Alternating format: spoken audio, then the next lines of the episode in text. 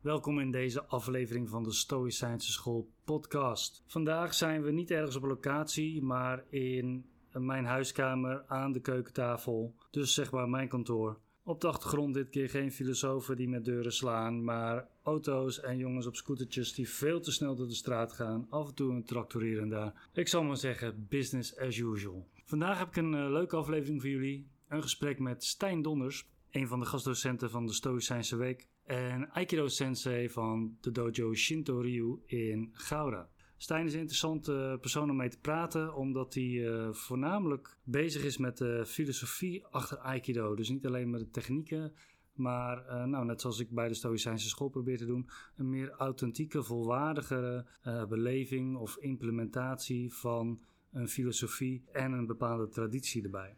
Zijn ideeën worden niet alleen maar gevoed door Aikido, maar ook door muziek. Hij is eigenaar van de recording studio Raiko Records in Wallingsveen en ook nog docent aan het Albeda College in Rotterdam. Nou, hij is al zo'n 15 jaar actief binnen Aikido, maar ook binnen andere martial arts die hij heeft beoefend. Met andere woorden, veel interessante input vanuit verschillende perspectieven die samen worden gebracht in een praxis, in een levenshouding. Geniet van uh, deze podcast. Hij is weer informatiedicht, dus er komt een hoop langs. Maar ja, we onderschatten ons publiek ook niet. te weten dat jullie van de harde kern zijn. Het moet echt ergens over gaan. Dus de commitment, daar rekenen we ook op.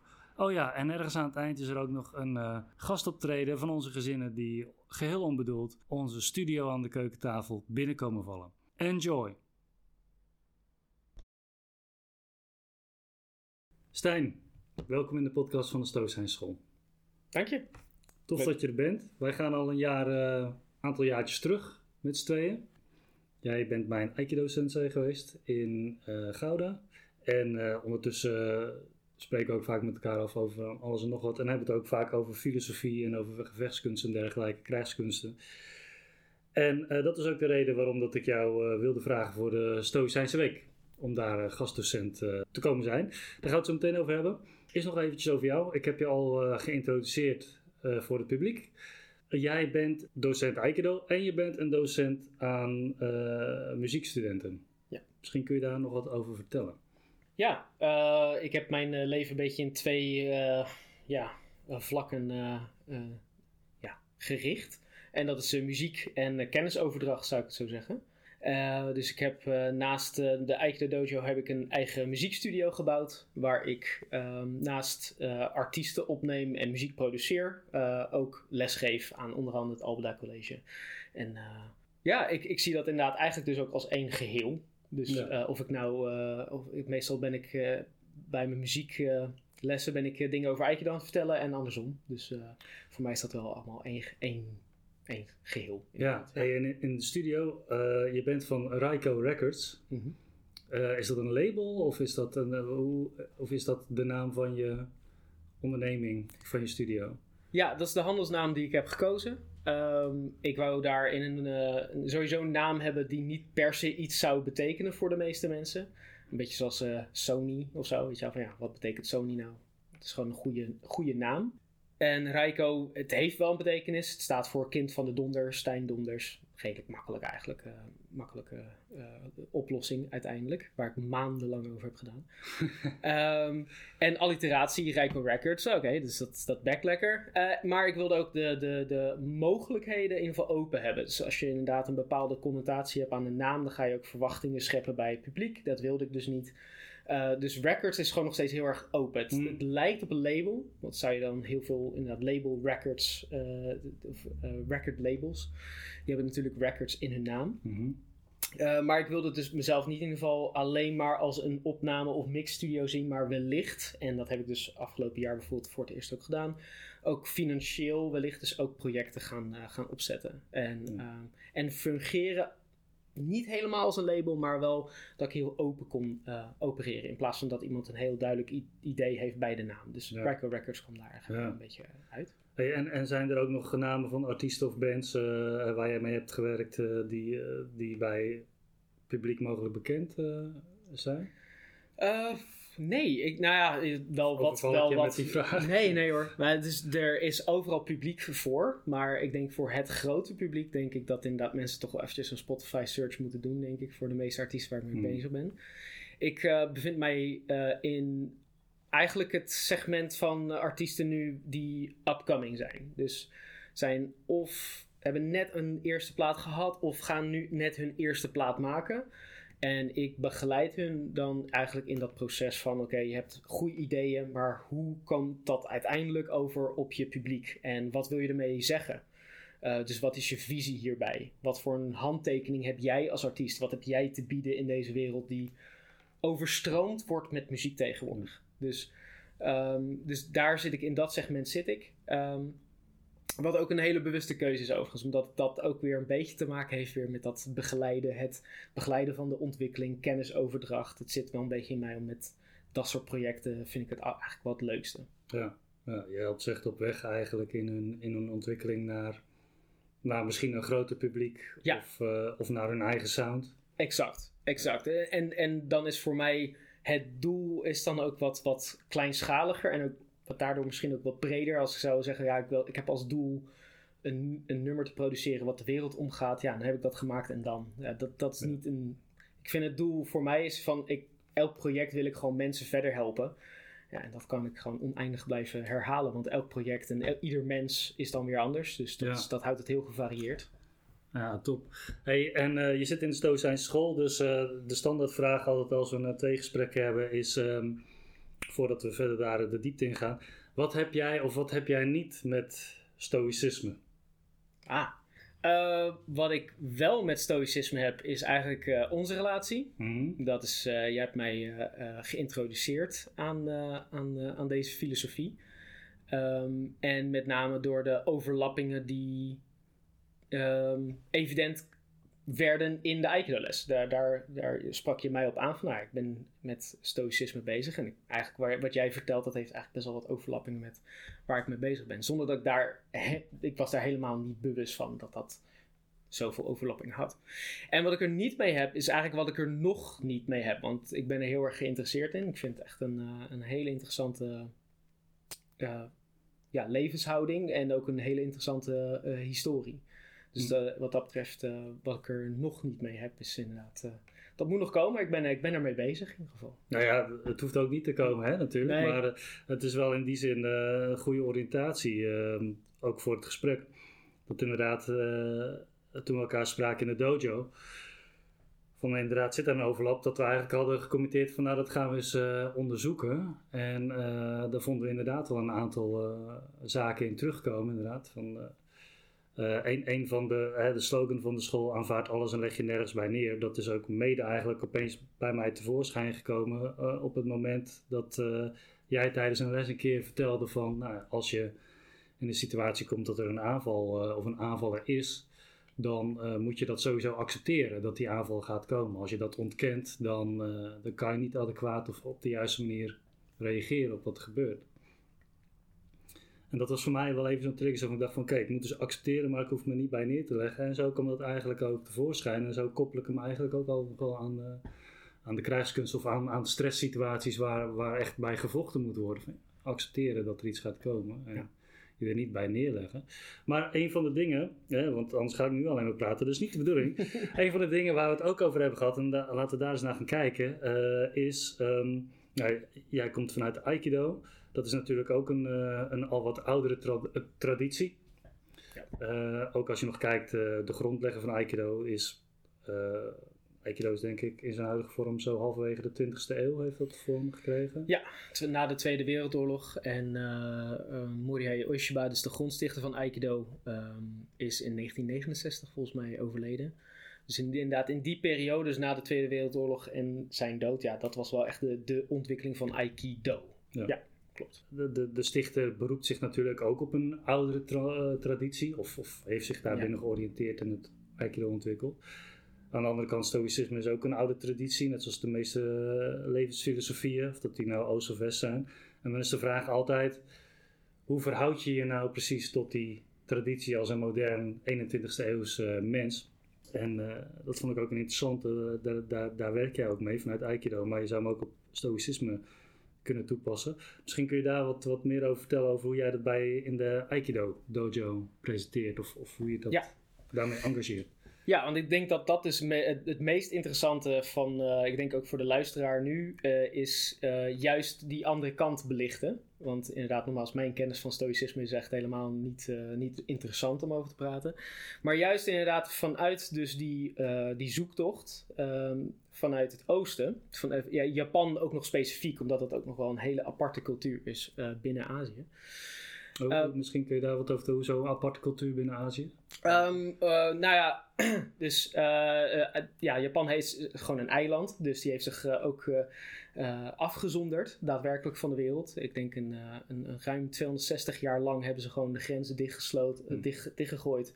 En heeft een militair dictator, ofwel shogun, heeft bepaald dat alleen nog maar Hollanders, Nederlanders mochten visiteren om han- handel te drijven. En voor de rest werd iedereen buitengesloten. Dus ze hebben echt geprobeerd hun eigen cultuur op dat land te behouden en gewoon een eigen manier van leven daar te Hm. behouden. Dus dat is wel een apart gegeven ten opzichte van de rest van de wereld, zeker in die tijd. Want Ja. ja, iedereen was eigenlijk al wel een beetje met elkaar bezig.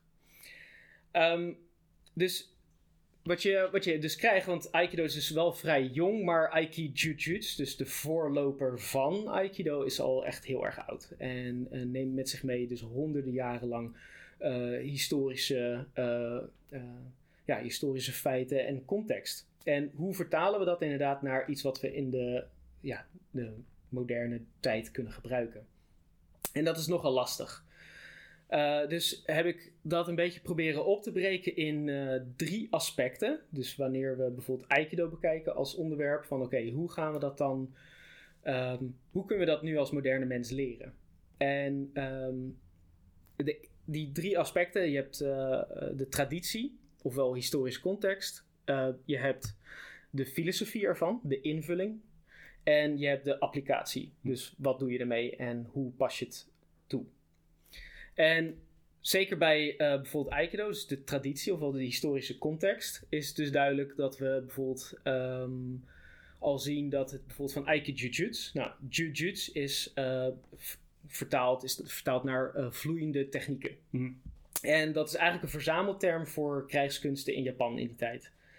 En het woordje Aiki werd voornamelijk door een, nou, door, uh, door Takeda Shingen onder andere gebruikt als een vorm van een soort strategische inzet van uh, zolang de tegenstander de kracht en snelheid niet kan gebruiken, dan heb je eigenlijk altijd de overhand. Mm. Dus proberen de tegenstander in een positie te zetten waarop die dus de kracht en snelheid niet kan gebruiken, dan kan je dus ook met een kleinere um, ja, een groep soldaten een overmacht uh, eventueel overwinnen. En dat heeft hij dus ook bewezen, want in de historie kan je dus lezen dat hij dus vaak vaker uh, met misschien maar 2000 man tegen 12.000 man makkelijk kon overwinnen. En had de tegenstander ook nog veel meer uh, casualties dan zijn kant. Dus het was een bewezen tactiek. Maar die tactieken werden alleen maar overgegeven mond tot mond. Dus dat was juist het familiegeheim. Het Hm. werd dus nergens opgeschreven. Het was gewoon echt, dit zijn de geheimen, niemand anders mag dat weten.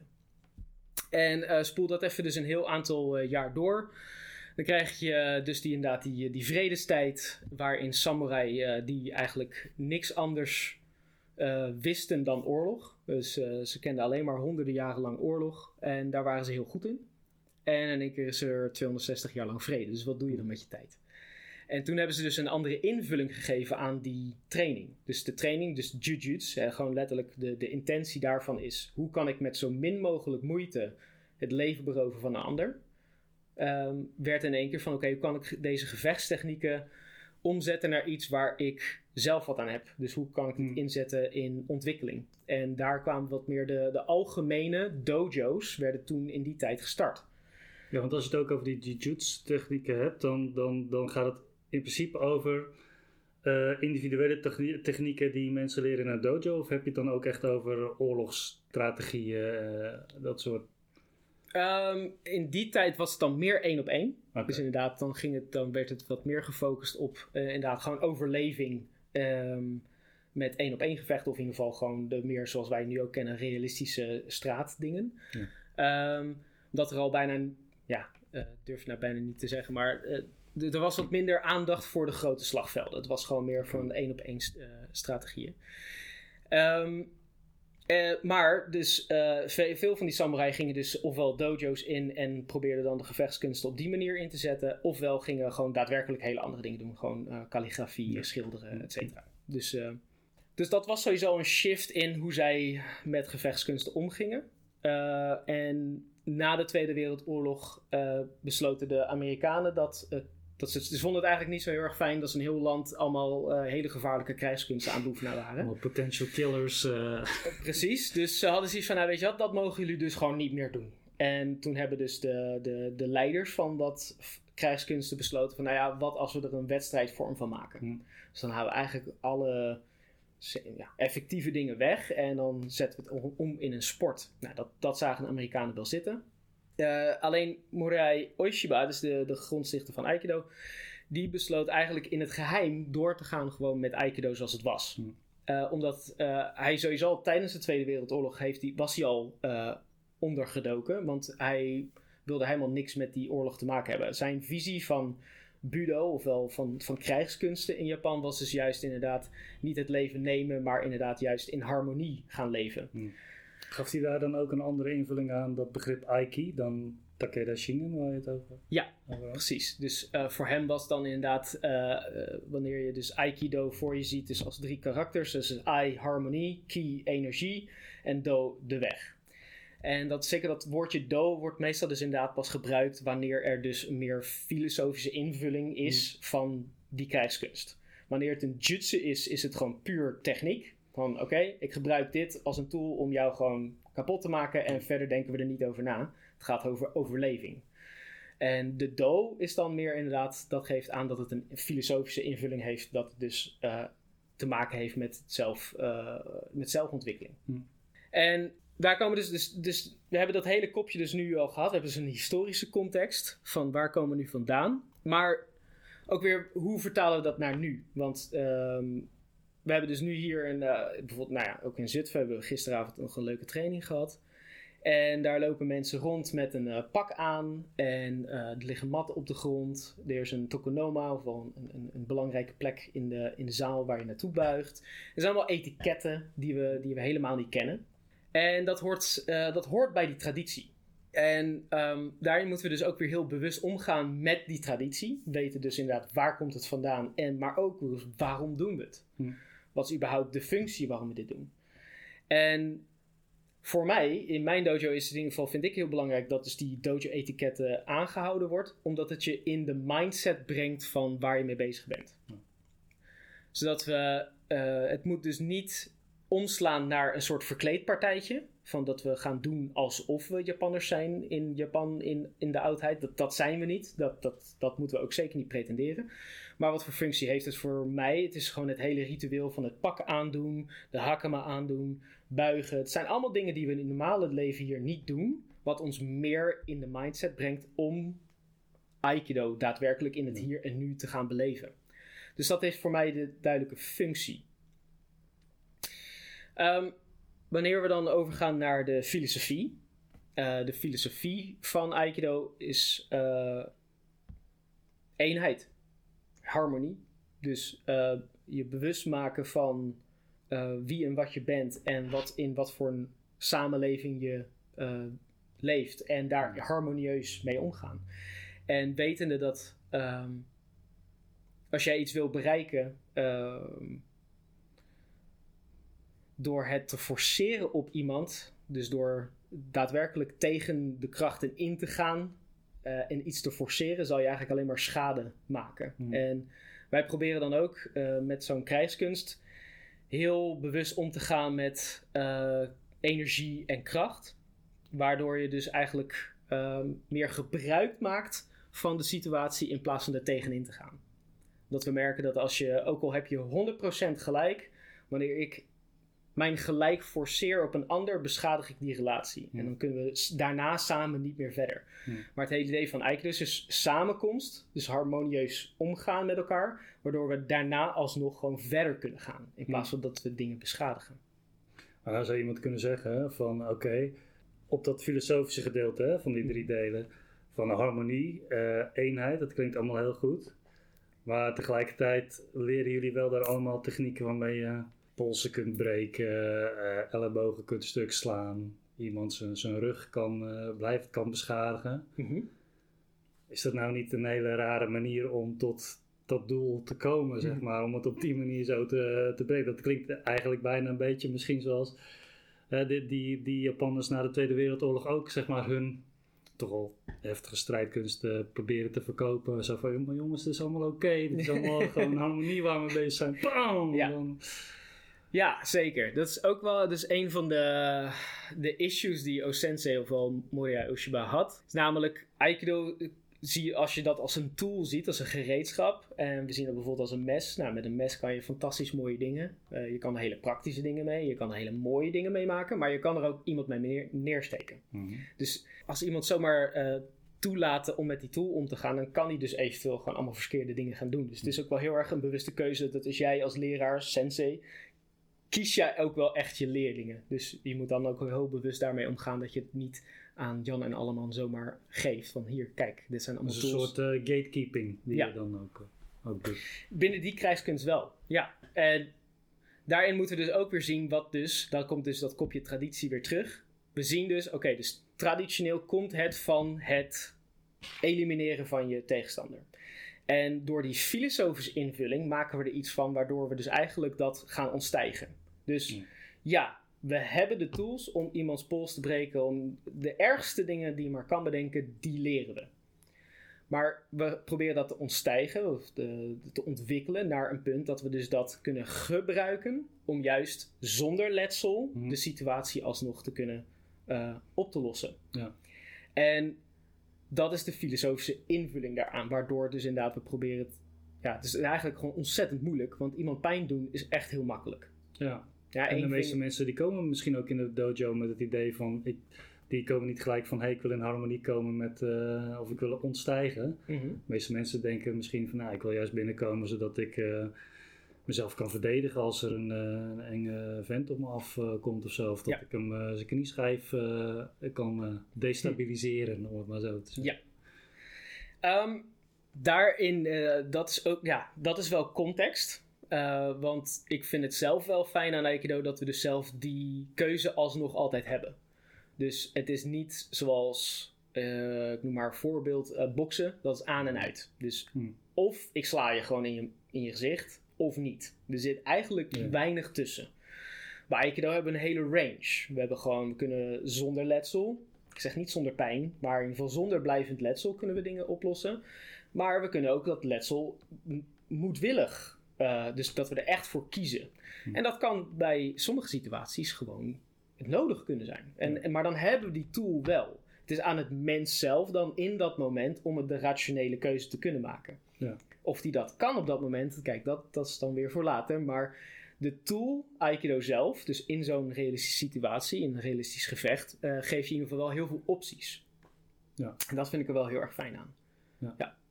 Hey, en dan heb je dus die, die drie gebieden of velden die je net hebt eh, benoemd. Hè? Mhm. Hoe, hoe interacteren die dan eigenlijk met elkaar? Want, van, want ik kan me zo voorstellen dat je misschien dan zegt van nou, ik, ik doe een beroep op de filosofie om te kijken of iemand echt geschikt is om in de dojo, eh, van eh, wat, wat is de opstelling van die persoon. Ehm, maar dat, dat, dat gooi ik nu gewoon even uit mijn mouw, hè? Van, zoiets Ja. kan ik me voorstellen. Maar probeer me een beeld te vormen van hoe jij die drie velden met elkaar samenbrengt. Of, Ja. of, of moet ik dat op een andere manier zien? Oh, nou, het, eh, eigenlijk gewoon een heel praktisch voorbeeld is dus eh, voor de mensen, ja, de meeste mensen zullen dus niet weten wat Aikido is, maar Aikido, met Aikido probeer je het maximale uit jezelf te halen. Dus wat, wat jouw eh, fysieke parameters dan ook zijn, jij gaat het maximale uit jouzelf halen. Dus van 0 tot eh 99. Ja. Ja, ja 0. is het Maar van 10 tot 99 kan Ja. in principe. in Exact, dus fysieke parameters mogen er ook niet toe doen. Hm. Dat was ook de originele insteek van krijgskunst überhaupt. Je bent eh, oud, fragiel, eh, man of vrouw maakt ook niet uit. Hm. En je wordt overrompeld door een overmacht eh, die sneller, fysiek sneller en krachtiger is. Dus hoe kom je daaruit? Hoe overleef je dat? Dat is de intentie van de eerste krijgskunsten die vanuit India, in ieder geval mythologisch gezien, met Boeddha zijn meegekomen naar de Shaolin monniken bijvoorbeeld. Dat is Hm. een beetje de, de, de oorsprong van Oosterse krijgskunst. En, maar dat, dat zijn we door die, door die sport, uh, door de, onze sportverleden zijn we dat een beetje vergeten. Want daar zijn op een gegeven moment die fysieke parameters teruggekomen. Want uh, sport moet eerlijk zijn, het moet een leuke wedstrijd zijn. En als je alle effectieve dingen weghaalt, wel, ja, het moet wel langer duren dan 10 seconden, zeg maar. Dus ja. uh, dan wordt het een heel ander beestje. Maar de, de, de oorsprong is gewoon, oké, okay, hoe oud je ook bent, man, vrouw, jong, dik, dun, maakt niet uit. Deze krijgskunst zou je moeten kunnen leren. Ja. Wat het inhoudt is in ieder geval dat dus bij Aikido, wanneer je een techniek doet en je merkt dat je dus kracht gebruikt, lukt de techniek niet. Hm. Dat is een soort feedback ja, dan ook. Precies. Dus uh, in de filosofie, dus uh, die filosofische invulling is dus um, wanneer je dus gespannen, agressief, whatever reageert op zo'n situatie, lukt het niet. Dus wanneer je de filosofie niet begrijpt, zal je het fysieke ook niet begrijpen. Ja. Omdat het er gewoon echt hand in hand met elkaar gaat. En uh, het is dus ook al heel weird om die uit elkaar te trekken bij Aikido.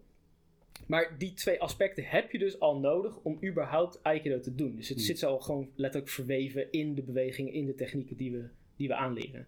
Met nogmaals ook die historische achtergrond van het moet ook lukken als ik uh, 70 jaar oud ben, moet het nog steeds kunnen lukken. Ja. Het, het, mag, het mag niet opgelost worden door meer snelheid, meer kracht, whatever. Nee, het moet gewoon altijd, altijd uh, mogelijk zijn. Ja. En um, dus dat gaat dus al eigenlijk hand in hand. Maar dat is, dat is ook typisch zo'n punt wat mij dan triggert in de dojo. Want vanuit stoïcisme dan, hè, daar zie je een gelijksoortig idee van op het moment dat jij heel erg emotioneel reageert op een situatie, is dat eigenlijk ook al een soort van feedback loop. Dat je je niet op de juiste manier daartoe uh, verhoudt tot wat daar gebeurt. Net zoals ook met, met uh, Aikido, als je. Ook, ook fysiek, hè? als je verkrampt, gewoon fysiek verkrampt. Of uh, je merkt gewoon als je woedend wordt dat je je tanden aan het stuk bijten bent. Dat is gewoon al direct een rode vlag van oké, okay, dus nu sta je niet goed in deze situatie. We weten misschien nog niet hoe het wel moet dan, hè? maar je weet nu al van oké, okay, deze kunnen elimineren. Deze houding is niet, niet correct. Ja. Niet de goede. Precies. En daarin uh, is dus eigenlijk krijgskunst, vind ik dan een heel fijn voorbeeld, omdat het eigenlijk, het gaat over leven en dood. Dus het is eigenlijk een heel heftig voorbeeld. Uh, en heftige situaties die we eigenlijk simuleren, die we in het dagelijks leven praktisch niet gaan meemaken. Maar omdat het zo heftig is, uh, stelt het heel snel dingen bloot. Dus voor de samurai was het heel duidelijk als je de situatie niet accepteert, als je niet ontspannen blijft in zo'n stressvolle situatie, dan is het je dood. Ja. Dus het was, de noodzaak was heel duidelijk. De noodzaak van die houding, van die filosofie, was voor overleving alleen al heel erg evident. Dus gewoon, als je dat niet doet, ga je eraan. Als je namelijk gespannen bent, dan is je reactietijd uh, te, te, uh, te, lang. Als je gestrest bent, dan kan je eigenlijk, heb je helemaal geen overzicht meer over wat dat slagveld gebeurt. Dus je moest je houding heel ontvankelijk en heel open en heel relaxed houden. En zeker niet boos of agressief worden, want dat zorgt eigenlijk alleen maar voor dat je, uh, je visie en et cetera gewoon uh, bekrompen wordt. Een soort bewustzijnsvernauwing ontstaat er dan eigenlijk. Exact, uh, waardoor je eigenlijk dus helemaal geen overzicht meer hebt ja. en je overlevingskansen drastisch dalen. Dus het zit heel erg verwoven in dat leven of dood spelletje en dat maakt dus Aikido nog steeds een hele goede oefening om mensen inderdaad bloot te stellen aan ja, stressvolle situaties die ze in het dagelijks leven nooit zouden hebben. Hm. En hoe, doe je dat dan, zo'n stressvolle situatie? Hoe simuleer je dat dan uh, als het ware? Nou, voor heel veel mensen, dat is uh, voor iedereen is het al anders. De uitdaging kan al voor de een zijn letterlijk gewoon binnenstappen. En dat is dan al uh, een enorme overwinning. Um, dus ik probeer dat in ieder geval in de lessen dus heel um, algemeen te houden. In de zin van, ik probeer geen, geen lat te zetten van, oké, iedereen moet nu X doen en X halen. Maar iedereen kan eigenlijk hun eigen tempo en hun eigen uitdaging vinden in de les. Hm. En daar, nogmaals, daar begeleid ik ze mee, individueel. Dus het is meer een op maat begeleiding dan dat ik zeg, dit is de maatstaf en iedereen moet deze target gaan halen. Want ja, voor, dat, zeker mentaal is dat gewoon niet te doen voor de meesten. Hm. Um, dus dat bouw je op. Je gaat dus eerst traditioneel gezien de vormen leren. Nou, bijvoorbeeld fysiek, waar komen die vormen vandaan? Wapens. Ja, dus uh, iedereen heeft nog een harnas aan. Dus de meeste polstechnieken uh, komen allemaal vanuit wapengevechten, ontwapeningen. Maar ook als je kijkt naar een harnas, ja, het heeft helemaal geen zin om een, met een stoot uh, het aan te vallen, want ja, die harnas vangt dat op. Dus waar ga je voor? Je gaat voor de gewrichten. Um, dus dat is weer de traditionele context, waar je begrijpt waar je op dat moment mee bezig bent. Van ja, waarom pak je iemands hand beet? Ja, natuurlijk pak je die niet zomaar beet. Maar als diegene jou probeert te steken, ja, nou dan pak ik zeker wel ja. zijn pols beet. Dus op die manier kan je dus echt meer bewust, maken, uh, bewust worden van waar je op dat moment mee bezig bent. En kan je mensen dus langzamerhand, kan je die druk steeds meer verhogen. Dus eerst ga je die traditionele vorm doen de oefeningen als het ware. Je gaat dus die vormen leren, waarom ze zo waren. En natuurlijk ook gewoon heel bewust worden van je houding, et cetera. En hoe verder je vordert, hoe meer de druk je erop kan leggen als hmm. sensei. Dus als je merkt van, nee, nou, deze groep is nu wel klaar voor wat meer. Nou, dan gaan we naar bijvoorbeeld naar stoten, dan gaan we naar steken, dan gaan we naar stokslagen. Dan gaan we misschien met twee tegen één. Of je kan zoveel oefeningen verzinnen om elke keer die druk weer steeds meer erop te leggen. En de grap is dat je dan ook pas ziet dat als die druk erop komt, dan zie je pas wat overblijft van de training. Dan zie je wat er overblijft van die filosofie. Ja, ja, dat is hetzelfde wat je ook ziet in de Stoïcijnse literatuur vaak. Van onder druk komt de persoon naar buiten toe. Nou, dat zie je hier uh, natuurlijk ook. Hè? Uh, iedereen uh, heeft een filosofie. Om maar even te parafraseren tot ze een klap op hun kop krijgen. Hè? Zoals bij Mike Tyson Mike Tyson, ja, ja, ik had pas gezien. Er zijn iets van verschillende varianten. Hij wordt toegeschreven aan verschillende figuren. Hmm. Maar Mike Tyson is er eentje van. Maar ik geloof zelfs dat hij ergens uh, van een, uh, een, uh, nou ja, een aanvoerder in het leger of zo kwam. Maar goed, dat, maar uiteindelijk het zijn allemaal variaties op hetzelfde idee wel. Van ja, je filosofeert heel lekker tot iemand opeens zijn middelvinger tegen je opsteekt. Ja. En dan ga je uit je plaat. En dan blijkt dat je eigenlijk helemaal niet zoveel van de filosofie hebt begrepen. Exact. In die zin ook binnen Aikido. ja. Tenminste, ja. En dat is dus dat laatste kopje, applicatie. Ja. Dus wanneer je de, de, de traditie, dus je weet waar je mee bezig bent, waar het vandaan komt, waardoor je bewust kan trainen, zodat je het ook niet gaat verheffen tot iets meer. Wat, wat mensen vaak doen, die verheffen snel een, een, een techniek als doel. Ja. ja. Uh, binnen muziek bijvoorbeeld ook. Uh, bijvoorbeeld, uh, die gaan dan gewoon heel technisch, heel moeilijk spelen. En dat is dan de muziek die ze maken. Terwijl het eigenlijk gewoon een exercitie is van kijk eens hoe goed ik kan spelen. Ja. Waardoor de inhoud best wel leeg is. Het is eigenlijk meer gewoon een kunstje wat ze, wat ze vertonen. Maar binnen Aikido, binnen dit soort traditionele ofwel oude uh, levenshouding, is het dus gewoon in ieder geval wel goed om, om bewust te worden en, en bewust te worden waar je echt mee bezig bent. In plaats van dat het dus, zoals ik al eerder zei, wellicht gewoon een verkleedpartijtje wordt. Ja. Want als je dus echt gewoon de context niet begrijpt en dingen gaat doen die eigenlijk ook helemaal niet de bedoeling zijn. Dan de invulling ervan. Dus bij, met Aikido is het inderdaad, nou wat je goed aangaf. Kijk, Aikido kan je dus inderdaad echt gebruiken om echt mensen kap, compleet kapot te maken. Om zelfs misbruik te maken van mensen. Want je kan op die manier dus ook uh, leren hoe je mensen kan manipuleren, uh, kan ombuigen naar jouw wil, mm -hmm. et cetera. Um, maar dus de filosofie van Aikido is daar inderdaad heel duidelijk van dat ontstijgen en juist proberen dus harmonieus samen, samen te leven en juist verder te komen. Dat, ook, dat je ook weet en snapt dat wanneer we met z'n allen uh, in harmonie kunnen leven, dat iedereen blij wordt. Ja. In plaats van dat alleen jij daarvan blij wordt. En de applicatie, dus druk uitoefenen en daadwerkelijk ook gewoon stress testen als het ware. Dus uh, weten hoe je het implementeert in je dagelijks leven, maar ook um, daar bewust van worden dus ook. Want uh, alledaagse dingen kunnen dus jouw oefeningen worden.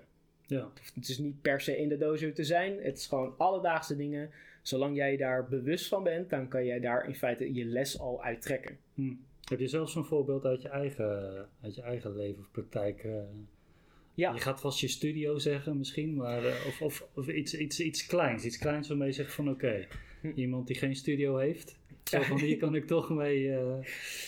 Uh... oei, ja. Nou, het, het ding is dat als we, als we Aikido dus als tool zien van oké, okay, uh, niet alleen als krijgskunst, maar als uh, nou ja, levenshouding. Dus waar, een manier waarop ik situaties benader. Of die nou fysiek of verbaal of gewoon in het werkveld te, uh, tegenkomen. nou, één, één, één ding wat ik dus bijvoorbeeld heel vaak doe, is ik neem vocalisten op. Uh, dat is best wel een heftig uh, probleem tussen haakjes. Want uh, iedere vocalist sowieso is anders. Dus ik kan niet iedere situatie hetzelfde benaderen. Ik moet het omgaan met de persoon wat ik voor me heb. En ik houd daarbij eigenlijk rekening, als we Aikido bestuderen, dan houden we rekening met drie aspecten wanneer we een probleem gaan oplossen. En dus je houding, je afstand, timing, tijd. En als laatste je de flow. Dus hmm. hoe, hoe stroomt deze energie? Nou, dat is een vaag concept, maar ik zal in deze, hopelijk in dit voorbeeld een beetje uitleggen wat ik bedoel. Mhm. Ehm, ik probeer een, uh, een open en ontvankelijke houding te houden. Dus uh, zodat ik inderdaad open blijf voor nieuwe informatie. En dat ik dus inderdaad mijn, niet door mijn emoties geleid word uh, in zo'n situatie. Zo'n vocalist is uh, bijvoorbeeld, uh, die komt binnen en die moet een hele emotionele performance geven. Dus die moet al, dat is al heel eng. Misschien kent diegene mij niet eens. Die komt in een omgeving die hij niet kent. Hmm. Dus mijn houding is al heel erg bepalend voor wat uh, de sfeer is eigenlijk gewoon in die kamer. Als ik heel open ben en heel sturend en heel begeleidend. En dan kan ik inderdaad diegene veel beter coachen dan dat ik dingen ga opleggen bijvoorbeeld. Door een agressieve of meer assertieve houding te, te geven. Daarbij is ook inderdaad dus mijn afstand ten opzichte van de persoon is ook heel erg belangrijk. Van weten wanneer ik dus uh, afstand moet nemen, dus door diegene wat vrijer te laten, of juist wat dichterbij erop moet zitten, om juist wat directer te kunnen sturen. Mhm. Op een manier wat gewoon op dat moment prettig aanvoelt. En dat wat op dat moment prettig aanvoelt, dus ook de flow, dus uh, gaandeweg inderdaad een, naast die vertrouwensband uh, weten van oké, wat is de energie van dit persoon? Heeft die meer sturing nodig of moet ik juist inderdaad loslaten? En veel meer praktisch gezien, want dit klinkt nog, nog steeds als een soort van blabbel. Van ja, oké, het is leuk dat je daarover nadenkt. Maar er zijn echt technieken en, en handelingen die ik daar gewoon mee, mee, uh, mee uitvoer is dus uh, bijvoorbeeld, uh, nou, de houding is inderdaad, ik probeer inderdaad een, een, een sfeer neer te zetten wat gewoon heel open is. Dus ik probeer diegene inderdaad echt met een gesprek eerst gewoon te leren kennen. En ik ga bijvoorbeeld uh, de microfoon opstellen op een manier wat, waarop diegene inderdaad zich prettig voelt. En ik probeer alles gewoon ervoor te zorgen dat diegene zich heel erg prettig voelt en in een mindset komt om die performance te leveren. Ja, en dat is dan ook gewoon echt een keuze van jou om het op, op die manier te doen. Het is een bewuste. Juist. Dus alles wat ik daarin doe, al die handelingen, hoe ik die microfoon neerzet, hoe ik de lessenaar neerzet, wat voor licht ik heb gekozen, alles is bedoeld om een bepaalde flow op, op, ja, eigenlijk op te wekken. Ja. En zodra diegene eindelijk in die ontspannen flow zit om te kunnen performen, dan is het mijn taak om die energie in stand te houden. Wanneer ik dat onderbreek, dan wordt het weer heel lastig om dat weer opnieuw weer aan te wakkeren. Mhm.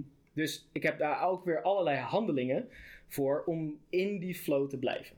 Nou, daarvoor moet ik zelf dus technisch gezien als producent gewoon bekwaam zijn om dan inderdaad uh, dat mijn techniek niet in de weg gaat zitten als diegene bijvoorbeeld een take heeft gedaan met echt gewoon nou, heel veel emotie. En ik uh, moet na een paar zinnen al op stop drukken. Midden in die performance. Ja, ja, nee, sorry, ik moet toch even nog die microfoon verplaatsen. Ja. Haal ik diegene compleet eruit. Dus ik moet zo ontzettend bewust zijn van waar ik mee bezig ben. Want als ik eenmaal diegene uh, in de juiste mindset heb om die performance te leveren, dan is mijn taak echt om die flow constant in, in beweging te houden. Zodat diegene kan blijven performen. Dat ik niet in de weg sta. Sterker nog, dat ik wellicht juist meer kan sturen naar het juiste resultaat. En dan moet je misschien ook nog het overzicht houden op andere personen die aanwezig zijn, bandmembers exact, of anderen die daar weer een invloed op kunnen hebben. Exact. Dus uh, daarin is ook weer inderdaad een, een, positie innemen. Waarbij bijvoorbeeld wanneer iemand aan het zingen is, dat ik de enige ben die communiceert met de vocalist. Ja. Want ik zorg er echt voor, dat is niet dat als inderdaad het microfoontje aangaat, wat die vocalist iedereen hoort, dat hij dan overdonderd wordt met allemaal informatie en commentaar. Maar ja, dan word je de, de duizendpoot die over uh, elke stap moet nadenken. En die gaat dan een tweede teken in met van ja, nee, je uitspraak was uh, slecht en dat was slecht en dat was slecht en dat was slecht. Ja, ga dan daarna maar weer performen. Ja. Dus ik stel dan ook al op dat uh, ik neem daar inderdaad al de positie in van ik ben degene die dus de communicatie in handen heb, uh, heeft en uh, dus ook echt de director of flow wordt van oké, ik zorg ervoor dat dit in goede banen wordt geleid en alle commentaar kan je aan mij geven en ik, ik kies wanneer ik wat doorgeven aan die vocalist. En dit is dan wel nog steeds een heel, dit is een groter voorbeeld, uh, maar in principe kan ik eigenlijk gewoon van dag tot dag dingen, relatiedingen, uh, de manier waarop ik les geef, eigenlijk in die drie dingen, dus mijn houding, mijn afstand en die flow, kan ik eigenlijk gewoon opbreken van oké, uh, heb ik die situatie juist benaderd of niet? Dus ik kan heel reflectief aan de slag daarmee. En ik kan voor mezelf dan bedenken op welke van die drie vlakken ging het niet goed. En dan kan ik daar, uh, ja, kan ik daarop verbeteren. Ja, want dat is ook, met die drie dingen ben je ook op de Stoïcijnse Week bezig geweest. Hè? Je hebt Ja. een, eh, een college gegeven en je hebt een, een Aikido-clinic gedaan. En het idee was ook, eh, toen we dat zo aan het plannen waren, van... We gaan niet heel expliciet eh, kruisverbanden trekken tussen Stoa en Aikido, maar we laten mensen gewoon zelf op basis van wat jij geeft aan input zelf maar een beetje lekker puzzelen van oké, ik zie daar een parallel, daar zie ik een overlap. Hey, en en eh, hoe- heb je dat dan aangepakt op de, op de week zelf? Bij, bij die clinic bijvoorbeeld, hè? Want het college is in principe theorie. Mhm. En hoe deed je dat op de clinic? Je opeens staan met een groep van 30 of 35 man die, eh, die misschien nog nooit ook in een stressvolle situatie op zo'n manier zijn geweest? Hoe- Ja. Hoe heb je dat aangepakt? Ja, dus de, de presentatie zelf was inderdaad eigenlijk ook gewoon eh, inderdaad weer context geven, het idee geven van ehm, waar we mee, eh, hoe, hoe ik met Aikido omga, inderdaad. En de clinic eh, was voor mij eigenlijk ook wel weer een hele uitdaging. Dat was ook de reden waarom ik het heb gedaan. Want ehm, net als dit, dit doe ik ook nooit. Dus eh, jezelf blijven pushen in, in oncomfortabele situaties is ook echt iets wat ik blijf proberen. Want anders groei je nooit. Ja. Ehm, en ik denk dat dat misschien wel een van de, de lastigste lessen ever was die ik heb gegeven. Maar ook aan de andere kant, ik heb het minste gedaan ooit. Dus ik had een heel, eh, ik had in ieder geval een idee, want ik geef vaker wel introductielessen. Mhm. Dat is dan meestal aan middelbare scholieren. Eh, en dan heb ik een x aantal eh, oefeningen in hoofd. Nou, dan hebben we een soort van leerplan. We gaan van daar tot daar. Maar ik merkte al dat de behoefte van deze groep heel anders lag al. En ik merkte al bij een aantal cursisten dat daarin dus voelde ik al wat meer weerstand. En niet weerstand omdat ze niet wilden, maar weerstand omdat ze het echt heel eng vonden. Ja, ja. Dus Wat ik, voor behoefte dan? Want voordat, eh, daar ben ik nog even benieuwd naar. Mhm. Eh, je- Waar merk je aan dat die behoefte dan anders was? Of, of wat voor andere behoeften? de behoefte waar we in zaten, en dat kwam wellicht dus ook al door die inleiding. De inleiding was heel duidelijk: oké, Aikido is een tool om problemen op te lossen. Hmm. Dus echt ook weer vanuit een filosofisch in- eh, eh, eh, invalshoek. Dus de behoefte zat hem waarsch- waarschijnlijk, dat neem ik nu een beetje aan wat ik Mhm. aanvoelde, Mhm. zat daar meer in. In plaats van dat men dacht: oh, we gaan nu gewoon lekker polsen eh, aanzetten en Ja. klimmen en elkaar eh, op, de, op de giegel. Dus waar ik bij bijvoorbeeld introductielessen van middelbare scholieren zit dat fysieke gedeelte natuurlijk al veel meer erin. En ze Ja. gaan mensen hebben al een- meer een aanname van oké, ik ga eiken doen, dus we gaan elkaar op eh, de giegel slaan. Ja. Dus ik merkte dat de behoefte al veel meer zat op oké, hoe kunnen we de link leggen tussen oké, dus je hebt die presentatie gehad, die, we hebben een beetje wat van die filosofie meegekregen, maar wat voel ik er nou van? Ja, oké, oké. En daar ontstond dus een bepaalde weerstand. Ja, nou ja, dus eh, daarin zag ik dus, oké, ik kan dat gewoon, dat, die hele les wat ik in gedachten had, kan, ik- moet ik gewoon nu direct al overboord gooien. want sowieso wordt dat hem niet. Ja, Dus we gaan het gewoon echt alleen maar hebben over bewustwording van, oké, hoe sta je? Wat voel je? Wat voor een balans voel je daarin? Je wordt vastgepakt. Wat gebeurt er met je? Ja, voelt dan misschien, misschien voel je daar al weerstand. Dus Ja. eigenlijk veel laagdrempeliger, zodat eigenlijk ook veel meer mensen er ook gewoon veel meer plezier aan konden hebben dan dat ik dat lesje was gaan afdraaien en waarschijnlijk de helft al was afgehaakt na 20 minuten. ja. Dus we hebben van de 10 oefeningen die ik had bedacht, hebben we er eigenlijk maar één gedaan. En die opgedeeld gewoon in drie stukken. En daar hebben we eigenlijk al bijna anderhalf uur over gedaan. Wat eigenlijk ook weer heel erg fijn was. Want het was Ja. echt wel, sloot veel meer aan op wat de cursist op dat moment gewoon nodig had. Het is namelijk gewoon echt voelen van oké, je hebt het over een ontspannen, ontvankelijke houding. Wat is dat? En hoe voelt dat? En wanneer dus die onder druk komt te staan, je wordt vastgepakt. En dat was voor, en dat is gewoon, dat is gewoon een realiteit, is voor velen is al heel wat. Ja, Je wordt gewoon in één keer geconfronteerd en vastgepakt. Wat gebeurt er met je? ja. Ja, ik heb een aantal cursisten, cursisten gezien die eh, met de blauwe plekken lieten zien eh, op de pols inderdaad. Van, werden allerlei schuldigen aangewezen die dat hadden gedaan eh, in de zaal. Maar eh, zag je dan nog ook iets gebeuren? Zag je eh, dingen die je kon duiden of zo? Of mensen die daar erg veel last mee hadden? Of misschien van hadden dat ze werden af vastgepakt bijvoorbeeld? Of juist misschien verbaasd waren dat ze er eigenlijk relaxter in waren dan ze hadden gedacht? Wat, wat, wat viel je op? Ja, goede vraag. Ehm, ik merkte in ieder geval algemeen aan de groep, want het was wel een redelijk grote groep. Dus je moet op een gegeven moment ook de groepsdynamiek als één energie gaan zien. Van oké, waar gaan we als groep nu naartoe? En ik merkte inderdaad dat dit de, het, eh, de, de uitdaging die ze voor, voor ze had uitgestippeld, dat voor iedereen eigenlijk wel heel erg fijn was. Mhm. En ik merkte voor de meesten was dus eigenlijk al de houding was al heel wat. Dus inderdaad, hoe sta ik? Eh, wat voel ik? Hoe beweeg ik? En inderdaad, hoe ga ik om met iemand legt mij iets op, dus iemand pakt mij beet. En wat gebeurt er fysiek? Je wordt vastgepakt. En in één keer schiet er eigenlijk misschien al, al stress in je lichaam. Maar wat doet het ook met je geest? Wordt niet alleen jouw lichaam vastgepakt, maar wordt ook jouw geest vastgepakt. Mhm. Sta jij in één keer gewoon helemaal vast omdat jij vastgepakt wordt. En ik merkte voor de meesten was dat eigenlijk al een echt best wel een, openbaring zelfs voor sommigen. Dus dat, dat al gewoon, dat zo laagdrempelig met iets bezig zijn. En dan bedoel ik laagdrempelig, bedoel, als je Aikido ziet, ja, dan kan het ook gewoon naar eh, zwaardvechten en eh, polsen en ontklemmingen dat, eh, of ontwapeningen. Dan kan het echt wel naar hele grote dingen gaan. Maar eigenlijk letterlijk alleen maar dat was al Ja. genoeg om het punt te maken. Om Ja. die beleving te hebben van hoe ga jij om met stress? Hoe ga jij om met druk? Dus daar, Ja. hoeft helemaal geen, daar kwam geen vuist aan te pas. Dat was echt alleen al gewoon de meest basic dingen. Was voor, de, voor heel veel mensen echt al een hele, hele uitdaging. Ja. En dat vond ik eigenlijk wel eh, interessant en heel goed om te zien. Ja, ook eh, herkenbaar. Want ik kan me ook nog die momenten herinneren. Ik heb ze nu ook nog wel eens. Inderdaad, als iemand je goed vast heeft. En, en je weet, ik moet hier iets mee gaan doen. Maar het voelt alsof je op alle momenten, op alle fronten vast zit. Dat je inderdaad niet alleen fysiek vast zit. Maar dat je merkt dat je geest in principe ook onder controle is. Ja. Van, van die persoon. Dat je ook echt gewoon op dat moment je hersenen gaan, of je, je geest gaat van alles doen. Van oké, eh, wat, wat weet ik nou allemaal nog? Welke techniek weet ik allemaal? Wat kan ik hierin gaan zitten? En eigenlijk is het dan natuurlijk al, al lang te laat. Je bent dan Ja. op dat moment helemaal under control Ja. van die ander. En ook al eens gemerkt, dat is ook misschien weer dan een linkje naar stoïcisme, maar dat het ook gewoon met, met dingen het geval kan zijn. Hè? Dat je gewoon echt helemaal overgeleverd bent aan een situatie of, of dingen en dat je geest daar de slaaf of de gevangene van is geworden. Van oké, en hoe moet ik nu weer terug? Eigenlijk is het dan weer heel basic, gewoon om te bekijken van, ja, oké, hoe sta ik? Eh, wat doe ik? Waar ben ik? Wie zit er aan met sjorren? Eh, Dat soort zaken.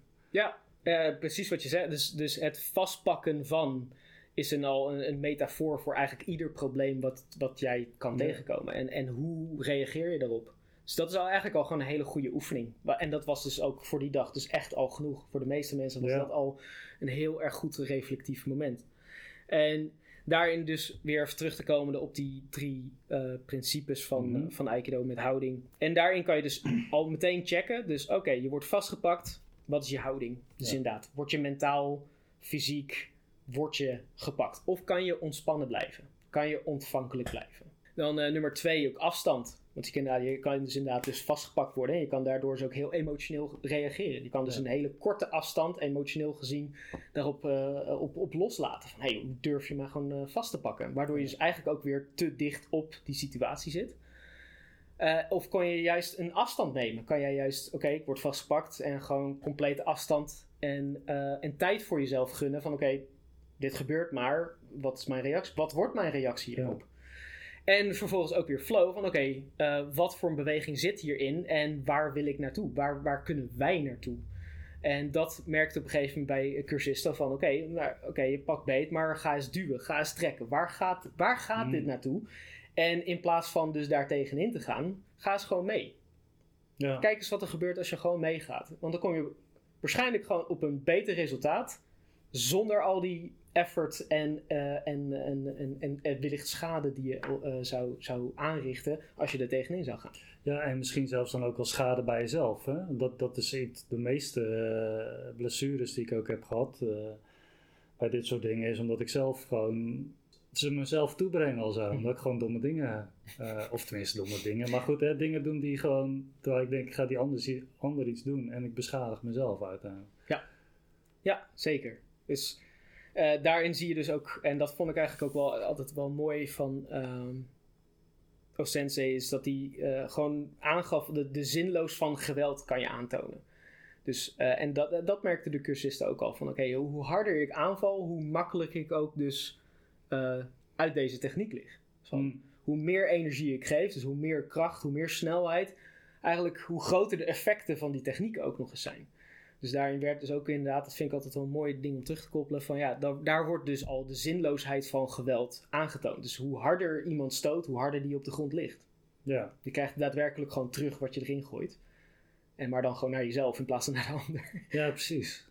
Dat is een slechte, een slechte keuze om dat uh, zo te doen. Ja, en, en, dat is ook mijn aller, aller, allereerste ervaring met Aikido. Waarbij ik uh, een, uh, de, mijn, mijn eerste sensei uit Waddingsveen die uh, vroeg mij, uh, nou Stijn, uh, sla me maar gewoon zo hard mogelijk in mijn gezicht. En ik dacht, nou, die, deze man is volgens mij niet helemaal in orde. Ja. Dus nou, ik, jong, jong en onbezonnen, ga er gewoon vol in. Nou, het enige wat ik nog kon herinneren daarvan is dat ik mijn eigen vuist in mijn eigen nek lag. En ik ook echt het idee van, dit, dit heb ik gedaan. Ik, heb, dus, ik kan hier niemand anders de schuld aan geven dan mezelf. Ik ben hier vol ingegaan en ik lig hier nu. En dat was mijn eerste realisatie van, ja, dit is echt te gek. Dit is dit zou ik ook wel willen leren, inderdaad. Mm, mm, mm, hey, en uh, je hebt daar natuurlijk ook als, echt als, als gastdocent, maar ook als Aikido-sensei gestaan. Uh, jullie hebben s'avonds ook nog in een zaaltje eh, met een groepje enthousiastelingen gezeten. Wat, wat voor vragen kreeg je daar? Uh, want nu, nu kwamen we zeg maar op het punt hè, van de cursisten die, nou, die hebben al een beetje stoïcijnse theorie gekregen en nu Aikido-theorie en applicatie kwam daar nog iets samen of kwamen daar bepaalde vragen of juist aandachtspunten die ze naar voren brachten?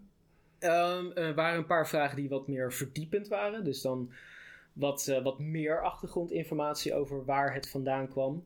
Um, maar er waren ook zeker wel uh, wat cursisten die, die wat met, met wat persoonlijkere issues zaten. En um, eigenlijk al vroegen van oké, hoe, hoe los jij dat op? Want ja, een, meteen een fysiek conflict aangaan, dat, dat, dat is waarschijnlijk nog veel te veel gevraagd. Maar hoe, hoe kan je um, wellicht al zoiets deescaleren? Want daar hebben we het ook op de dag zelf ook over gehad. Aikido is voornamelijk de-escalatie. En het aller, aller, aller, allerlaatste wat je wil gebruiken is dat fysieke gedeelte. Hmm. Ook al lijkt het zo, als je in de dojo komt, dan zijn we alleen maar met het fysieke gedeelte bezig. Maar in feite stellen we ons dusdanig op dat we proberen te de-escaleren zodat we dat fysieke gedeelte nooit nodig hebben. Ja. En een van die dingen is dus ook weer, dat heeft met je houding te maken, met je afstand, met hoe jij in het leven staat en hoe jij je presenteert in zo'n situatie, is eigenlijk kan je ze alleen al deescaleren met hoe jij daar staat en wat jouw presence daarin is. Dus kom jij over alsof jij bijvoorbeeld heel erg, um, als jij een makkelijk doelwit bent, nodig je bijna de lafaards uit om gebruik te maken van die situatie. Hmm. Waarbij je, als jij al wat meer projecteert van, nou, ik heb een goede houding, ik blijf ontspannen, dan zien zij dus eigenlijk, oh, wacht eens even. Dit persoon heeft misschien dit al vaker meegemaakt of is niet zo makkelijk doelwit. Dus alleen al door die presentatie kan je dus eigenlijk al wat bewerkstelligen. Hmm. Zonder dat je in fysieke, meteen een fysiek conflict moet komen om iets te bewijzen. Uh, ik denk dat daar. Oh ja, er was volgens mij ook nog één vraag echt specifiek over ki. En dat vond ik eigenlijk ook wel een goede. Want daar ook in zie je dus binnen Aikido ook weer. Want ki is dan energie. Maar wat voor energie is dat? Wat, wat bedoelen ze met energie? Want dat is inderdaad zo'n uh, zo'n containerbegrip, ja. zoals we het uh, kunnen noemen. Um, dus wat wordt daarmee uh, wat wordt ermee bedoeld? Is ook weer, oké, dan gaan we weer terug. Gaan we die drie aspecten. Traditie, dus historische context, ki. Hoe het geschreven werd, was eerst een teken vanuit China, want uh, Japan heeft het uh, Chinese uh, karaktersysteem overgenomen. Mhm. En vroeger waren dat tekeningetjes. En dat eerste tekeningetje van Ki, wat we terug kunnen vinden, is eigenlijk de waterdamp die, die, het, die, die je ziet als je bijvoorbeeld in de winter uitblaast. En dan zie je wat stoom. Mhm. En dat was het eerste tekentje voor Ki. Zij dachten dat is de energie die het lichaam verlaat. Mhm. Maar dat is nog best wel, dat kan als spiritueel gezien worden. Maar ja, laat... zoals dat je in het Grieks of in Stoa pneuma hebt, uh, levensadem. Ja. Dat is tenminste direct, uh, daar ga ik natuurlijk direct op Mhm. aan als je zegt, er komt adem naar buiten. Of zeggen we over Ja. ja. zichtbare adem, denk ik daar gelijk aan. Maar dat goed, dat is even tussendoor. Heel goed, dankjewel. Eh en later is daar dan het, eh, het karakter voor rijst bijgekomen. Ja. Waarbij we eh, iets kunnen concluderen van oké, rijst is eigenlijk al wat iets tastbaar. Is gewoon eten, waar stoom van afkomt. Hmm. Dat is ook al energie natuurlijk. Maar het, het eten van rijst geeft je energie. Hmm. Maar alsnog energie en hoe zet je dat in? Want eh, je kan eh, ook weer daarin, je kan dus heel erg gaan. Je kan bijna naar het metafysische gaan. Gewoon echt naar universele krachtige en dingen Ja. die je wellicht niet kan meten. Maar je kan ook wel heel praktisch blijven naar dingen die je wel kan meten. Ja, nou zit ik voornamelijk aan de meetbare kant. Mhm. Als we het over Aikido hebben in ieder geval omdat het iets tastbaars geeft van oké, kijk, ik, we kunnen bijna eh, wetenschappelijk bewijzen dat het werkt. Ja. Dus dan gaat het inderdaad over natuurkunde. Dat je inderdaad kinetische energie hebt en Ja, daar precies. werken we mee. Eh, maar waar ik het net bijvoorbeeld over had, energie, dus eh, die flow, is dus bijna al meer gevoelsmatig. Dus gewoon Ja. voelen wat voor energie iemand geeft. Dus is iemand heel erg voorwaarts, is iemand heel erg assertief. Dus ook een energie. Je hoeft niet die- eens contact te maken eigenlijk. Nee, precies. Maar dat is wel een energie die we voelen. We voelen wanneer iemand passief of agressief is. Ja? En dat geeft ook een bepaalde sfeer in een kamer. Dus dat is ook iets waar we bewust mee bezig kunnen zijn. Dus dat was wel een interessante vraag van, vanuit, eh, eh, vanuit die cursus. Van ja, wat, wat bedoel je met die energie? En dat is dus ook weer, dat kom je met weer, kom je een kopje filosofie. Ja. Wat voor een invulling geef je daarin? Want het kan inderdaad heel ja, een beetje verkeerd woord naar tegenwoordig, spiritueel. Maar het kan ook heel, dus inderdaad, bovennatuurlijk eh, opgevangen Ja. worden. Maar je kan het nog steeds wel heel pragmatisch, dus weer applicatie. Je kan het dus heel pragmatisch houden. Van nee, dit zijn echt dingen die je daadwerkelijk meemaakt en die je kan toepassen. In plaats van dat het dus heel erg gevoelsmatig bij jezelf blijft. Van ja, eh, krachten die je kan voelen vanuit het universum. Kan, maar daar Ja. ben ik niet mee bezig. Ik probeer. Nee, want dan krijg je ook al heel snel van die, eh, eh, die filmpjes die je wel eens op YouTube ziet van iemand die dan met zijn arm zwaait en er vallen 150 man vallen in één keer om.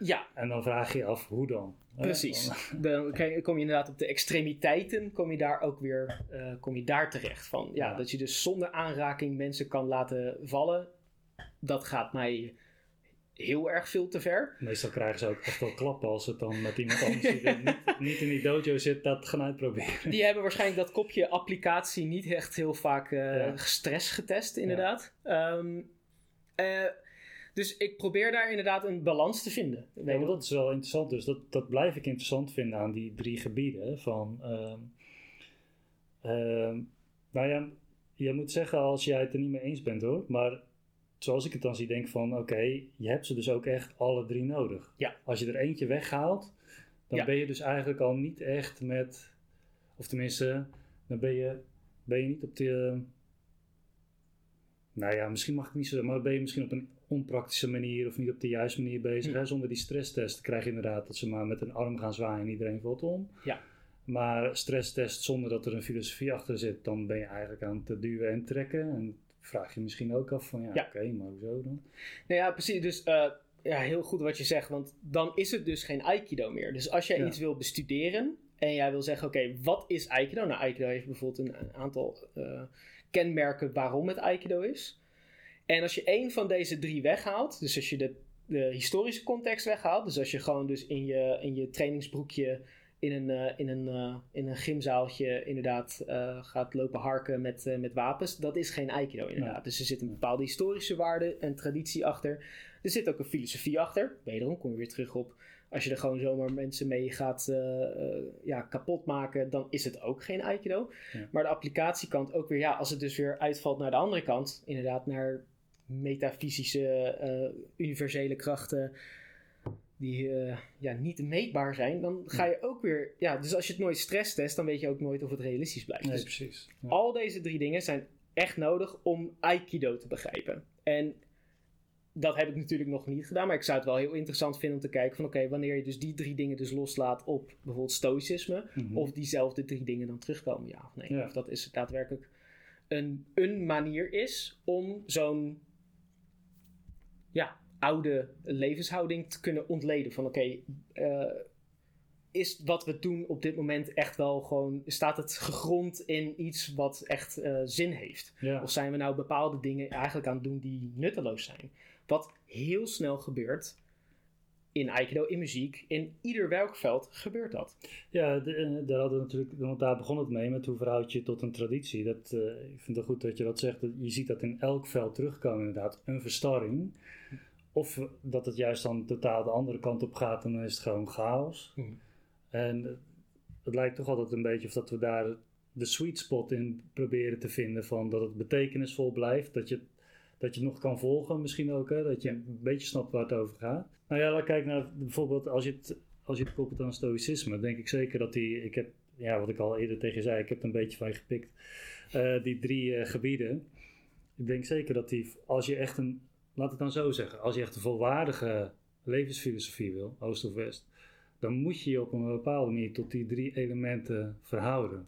Op het moment dat je een van die elementen, zeker als je de, de, de filosofische principes, omdat je die gedateerd vindt bijvoorbeeld, of vaag vindt, en, dat, en, je, en je bepaalt het gelijk al bij de voordeur, dus dat neem ik gewoon niet mee. Je gaat alleen die andere dingen doen. Dan zit er misschien wel een kleine payoff voor je in, maar je bent dan niet met een volwaardige of authentieke eh, discipline bezig, als het ware. Ik denk dat het, nou, we hebben het ook al eens gehad over wat Anton Geesing zegt, hè, van, of zij, van ja, judo is gewoon duwen en trekken en daarom kon die winnen. Nou, er zat dus wel een payoff voor hem in, want die Ja. Japanners die, die tegen de mat werkten, die waren echt gewoon flabbergasted van komt gewoon eh, uit de klei getrokken Nederlander. Die, komt, die, die doet dit gewoon. Ja. En dat was voor hun misschien dan ook alweer goed, omdat ze misschien dan, eh, ik ben geen expert hoor erin, maar dat zij misschien meer naar de metafysische kant of de spirituele kant of de filosofische kant aan, en ook dachten van ja, oké, maar de applicatie hebben wij misschien wat meer eh, laten liggen. Ja. Eh, omdat we allemaal met elkaar in dezelfde dojo volgens dezelfde regels trainen en dus eigenlijk niet meer overvallen kunnen worden door ze. Dus in die zin was Anton Geesing natuurlijk een goede, een goede invloed daar. Maar als dat het allemaal alleen maar is, duwen en trekken. En zoals met stoïcisme of met iets anders, het is alleen maar oefeningetjes of tools eh, in de praktijk brengen. Dan ga je vroeg of laat komen erachter van ja, oké, waar, waarom sta ik nou te duwen en te trekken? Exact. Ja, ik geloof Penn en Teller, die hebben een keer een mooie eh, sketch er ook van gemaakt van ja, je wordt overvallen op straat. Ze willen je geld in je horloge. Eh, nou, geef gewoon geld in een horloge, want dat is de snelste weg. En dat kost me minder eh, geld en tijd dan dat ik, ik noem maar wat, eh 40 jaar karate sta te doen. En ik krijg nog steeds een kogel in mijn lijf, weet Ja. je wel. Daar zit wel iets in, hè? dat soort, dat soort prikken, zeg maar. Ja. Dus ik denk toch wel dat dat, dat, dat echt wel belangrijk is. nou, in ieder geval dat ik daardoor getriggerd word, inderdaad, die drie dingen. En, en, en hoe en wat, dat is dan inderdaad het, het gezamenlijk verkennen, hoe die Ja. zich tot elkaar verhouden. Nee, dat, dat zeg je dus inderdaad heel goed. Wanneer je dus zoiets inderdaad volwaardig wil bestuderen, dan zijn die drie aspecten wel echt nodig. Eh, om, om echt te kunnen begrijpen waar het over gaat. En dus daardoor, althans dat is in mijn ervaring, dus ook makkelijker dus de switch te kunnen maken om dus eh, het in het dagelijks leven te kunnen implementeren. Omdat het dus inderdaad, er zijn geen, ja, eh, ik zou bijna zeggen afleidingen. Want eh, voor heel veel eh, vechtkunsten of krijgskunsten, vechtsporten zijn er bijvoorbeeld allemaal afleidingen waar bijvoorbeeld examens. Weet je wel, van Oh ja, zo. wat, wat is het doel van dit? Nou, je volgt een examen. ja, En dan is dus inderdaad wederom, dan is het dus eigenlijk weer de techniek is dus verheven tot doel in plaats van dus de invulling ervan. Dus de filosofie wordt eigenlijk aan kant gezet. Nee, het enige wat, wat nu nodig is, is gewoon je volgende examen halen.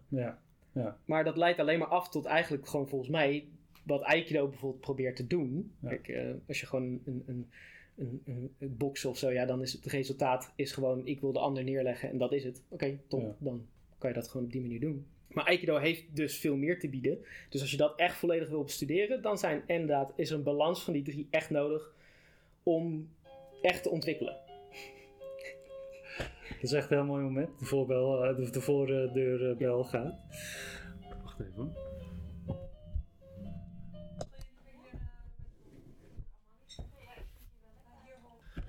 Oké, Stijn, we werden net onderbroken Mhm. eh, door de deurbel. En eh, jij zei, uh, dat is een echte atomy. Leg uit, wat, wat bedoel je daarbij? Ja, een atomy is dus een, een althans hoe wij het in de krijgskunst gebruiken, een, een pijnlijk impuls op een vitale plek. Nou, dat was, dat was hem zeker. Een pijnlijk impuls op een... Ja. En hoe ziet dat er fysiek uit? fysiek kan het er letterlijk uitzien als een klap. Dus of een, of een trap of een, een kopstoot. Of hoe, je, hoe die impuls, want daarom zeg ik het is een impuls maar de, wederom, de functie ervan. We gaan het weer, op, we gaan het weer ontleden. Ja, ja, ja. Traditioneel. Atomy. Wat is een atomy? Traditioneel gezien is het ontnemen van iets. Dus, uh, en dan bedoel ik dus echt op de vitale plek. Dus strottenklep, kapot, oog, ontnemen. Dus gewoon, je gaat echt ervoor zorgen dat diegene dus niet meer de kracht en snelheid kan gebruiken. Dus één vinger, één oog. Nou, dan weet je zeker dat diegene eventjes daarmee bezig is. En dus helemaal geen uh, goede houding en afstand meer kan nemen. Ja. Uh, filosofisch is uh, de atomie nu voor ons is dus een onderbreking van de flow van de tegenstander. Hmm. Dus de tegenstander heeft wellicht een agenda. Die heeft een, een, een plan, planning, een plan. om jou wellicht letsel toe te brengen of ja, te beroven of iets dergelijks. Dus In dit geval waren wij dan even de tegenstander. Wij zijn, wij zijn vaak de tegenstander. Ja. En we krijgen dus dan inderdaad het, het idee dus daarbij dat als wij dus die flow onderbreken, dan kan de tegenstander moeilijker dat plan uitvoeren. Ja. Dan kom je weer terug op nou, wie het dan ook heeft gezegd. Everybody got a plan until they get punched in the face. Ja. Nou, dat dus. Dus als je dus een plan hebt en je krijgt een tik op een vitale plek. En dan bedoel ik dus inderdaad weer. Het kan een oog zijn, je, je keel, je neus, noem maar op. Ehm, dan ben je dus niet meer bezig met dat plan. Dan ben je dus uit die flow verstoord. En is het dus makkelijker voor ons om daar dus weer controle over te krijgen. Want ja, anders blijft hij maar trappen en, en stoten en dat plan uitvoeren. Maar de applicatie. Wij kunnen niet zomaar uh, vingers in ogen steken. Ook filosofisch gezien willen we dat dus niet. Nee, dat is dat weer, kom weer terug. We wil helemaal geen letsel aanbrengen. Nee, dat is niet harmonieus. Nee. Uh, dus hoe gaan we dat implementeren? Wat is de applicatie hiervan? Wat is de functie hiervan? Want dan merk je dus, oké, ik heb dus helemaal geen harde klap nodig. Of zelfs, ik heb niet eens contact nodig. Hmm. Ik kan een atomy nu geven zonder contact te maken. Door alleen al de intentie te geven alsof ik naar je gezicht ga, hmm. naar je ogen ga. Is dus vaak al genoeg om hetzelfde te doen. Namelijk het onderbreken van die flow. Waardoor we dus weer zien dat dat plaatje weer bij, bij elkaar komt. Van oké, het heeft een historische context. Oké, daarvoor werd het gebruikt. Hoe gaan we dat uh, in de filosofie uh, gaan? Hoe geven we daar een invulling aan? En hoe passen we het toe? Uh, dus een atomie is inderdaad ook dus hier nu in het dagelijks leven. We zijn bezig met een podcast en er komt gewoon een hele familie binnen die dat verstoort. Dus wij zitten op een gegeven moment in de flow. En ik dacht, ik oké, ja, ik begin nu ook een beetje te ontspannen. Ik begin lekker te praten. En dan komt de familie binnen. Ja. En dan kunnen we daar weer van leren hoe, ver, hoe verhouden wij ons weer tegenover zo'n onderbreking. Hmm. En dat is ook weer wat we proberen te leren. Dus ook al is ze onderbreking, zodat we minder, uh, uh, wat, wat moeilijker uit zo'n flow te halen zijn. Zodat we gewoon ook hmm. weer de draad kunnen opprikken. Uh, doe maar record en we gaan weer verder. Gaan door. En ook misschien hoe, hoe we daarop reageren. Want het kan natuurlijk ook gewoon Heel mega pissig kunnen worden. Van, maar de beste en makkelijkste manier was meegaan met deze onderbreking. Uh, het begeleiden naar een, uh, een, een, punt wat voor iedereen uh, wenselijk is. Ja. zodat iedereen verder kan. En op een leuke manier. maar dus voor ons dus ook een, weer een goede les. Van oké, kunnen wij ook gewoon weer deze draad oppikken en gewoon verder gaan. Ja. En ook weer groter gezien, dus ook weer in het dagelijks leven. hoe verhoud jij je tot onderbrekingen in jouw flow? Want als jij een bepaalde doelstelling hebt en er gebeurt iets waar je geen controle over hebt. Ja. Wij, wij, hadden nu geen controle over dat er werd aangebeld en dat de familie binnenkwam. Ja. Maar onze opstelling, hoe we erop reageren, daar hebben we wel invloed op of controle over. En, en uh, dat is dus met alles, dus, uh, inderdaad, het uh, overlijden van een familielid of een, een, een tegenslag op werk, noem maar op. Hoe gaan we daarmee om? En kunnen we in plaats van dat we dus helemaal weer van stuk gebracht worden, helemaal weer in stilstand komen, dat we mhm. alles weer moeten oppikken in energie, en, en heel veel energie moeten geven om weer vooruit te komen, kunnen we onszelf trainen dat die tegenslagen in ieder geval niet ervoor zorgen dat we stil komen te staan, maar dat we gewoon mee kunnen bewegen en blijven, ja, vooruit kunnen blijven gaan waar we naartoe willen. Ja. Ja, en dan is die filosofie uiteindelijk echt weer een soort van bedrock daarvoor. Van een soort van basis of fundament. Mhm. Want inderdaad, als je dan, die dan niet hebt, zo, zo zie ik het dan altijd. Als je die niet hebt, wat voor reden heb je dan om terug in die flow te gaan? Ja. Waarom zou je dan niet gewoon op de bank gaan zitten en denken van nou, alles is gewoon eh, rottig en eh, Ja. ik ben onderbroken. Waarom zou ik die, die beweging weer op gaan pikken? Ja. Daar word je wel gevoed inderdaad vanuit, eh, vanuit de filosofie en ook denk ik wel vanuit de traditie in de zin. eh, tenminste zo heb ik bij stoïcisme ook vaak de traditie. De voorbeelden van mensen uit de filosofische traditie die Ja. in, dat inderdaad wel kunnen. Schoolvoorbeeld eh, daarvan is altijd Socrates die... ook gewoon vaak op straat in elkaar werd geslagen als hij, als hij vragen aan het stellen was. En daar dan ook gewoon zich in trainde om dat gewoon daar niet iets van te vinden, zeg maar. Mhm. Zo van, oké, nou, ik, ik blijf gewoon in diezelfde flow zitten. Ja. Dan ga ik wel bij iemand anders vragen stellen of zo, als het bij jou niet meer lukt. Ja. En, en zo, maar ja, dat is wel vanuit die filosofie gevoed. En dus ook verschillende voorbeelden waar je dan op kunt beroepen. Zo van, Ja, eh, en, en ja, ook weer dus terugkomende dan vanuit Aikido. Van, dus inderdaad, als iemand je vastpakt, als iemand je stoot, eh, als diegene letterlijk niks voelt. Dat, eh, dat was volgens mij bij de cursisten ook heel duidelijk. Dus oké, pak mij wel maar eens vast. Dus dan vroeg ik, eh, wil je mij vastpakken alsjeblieft? En ik ontspan me compleet. Dan voelden ze ook echt letterlijk, wat heb je nu beet? ja, Ja, niks.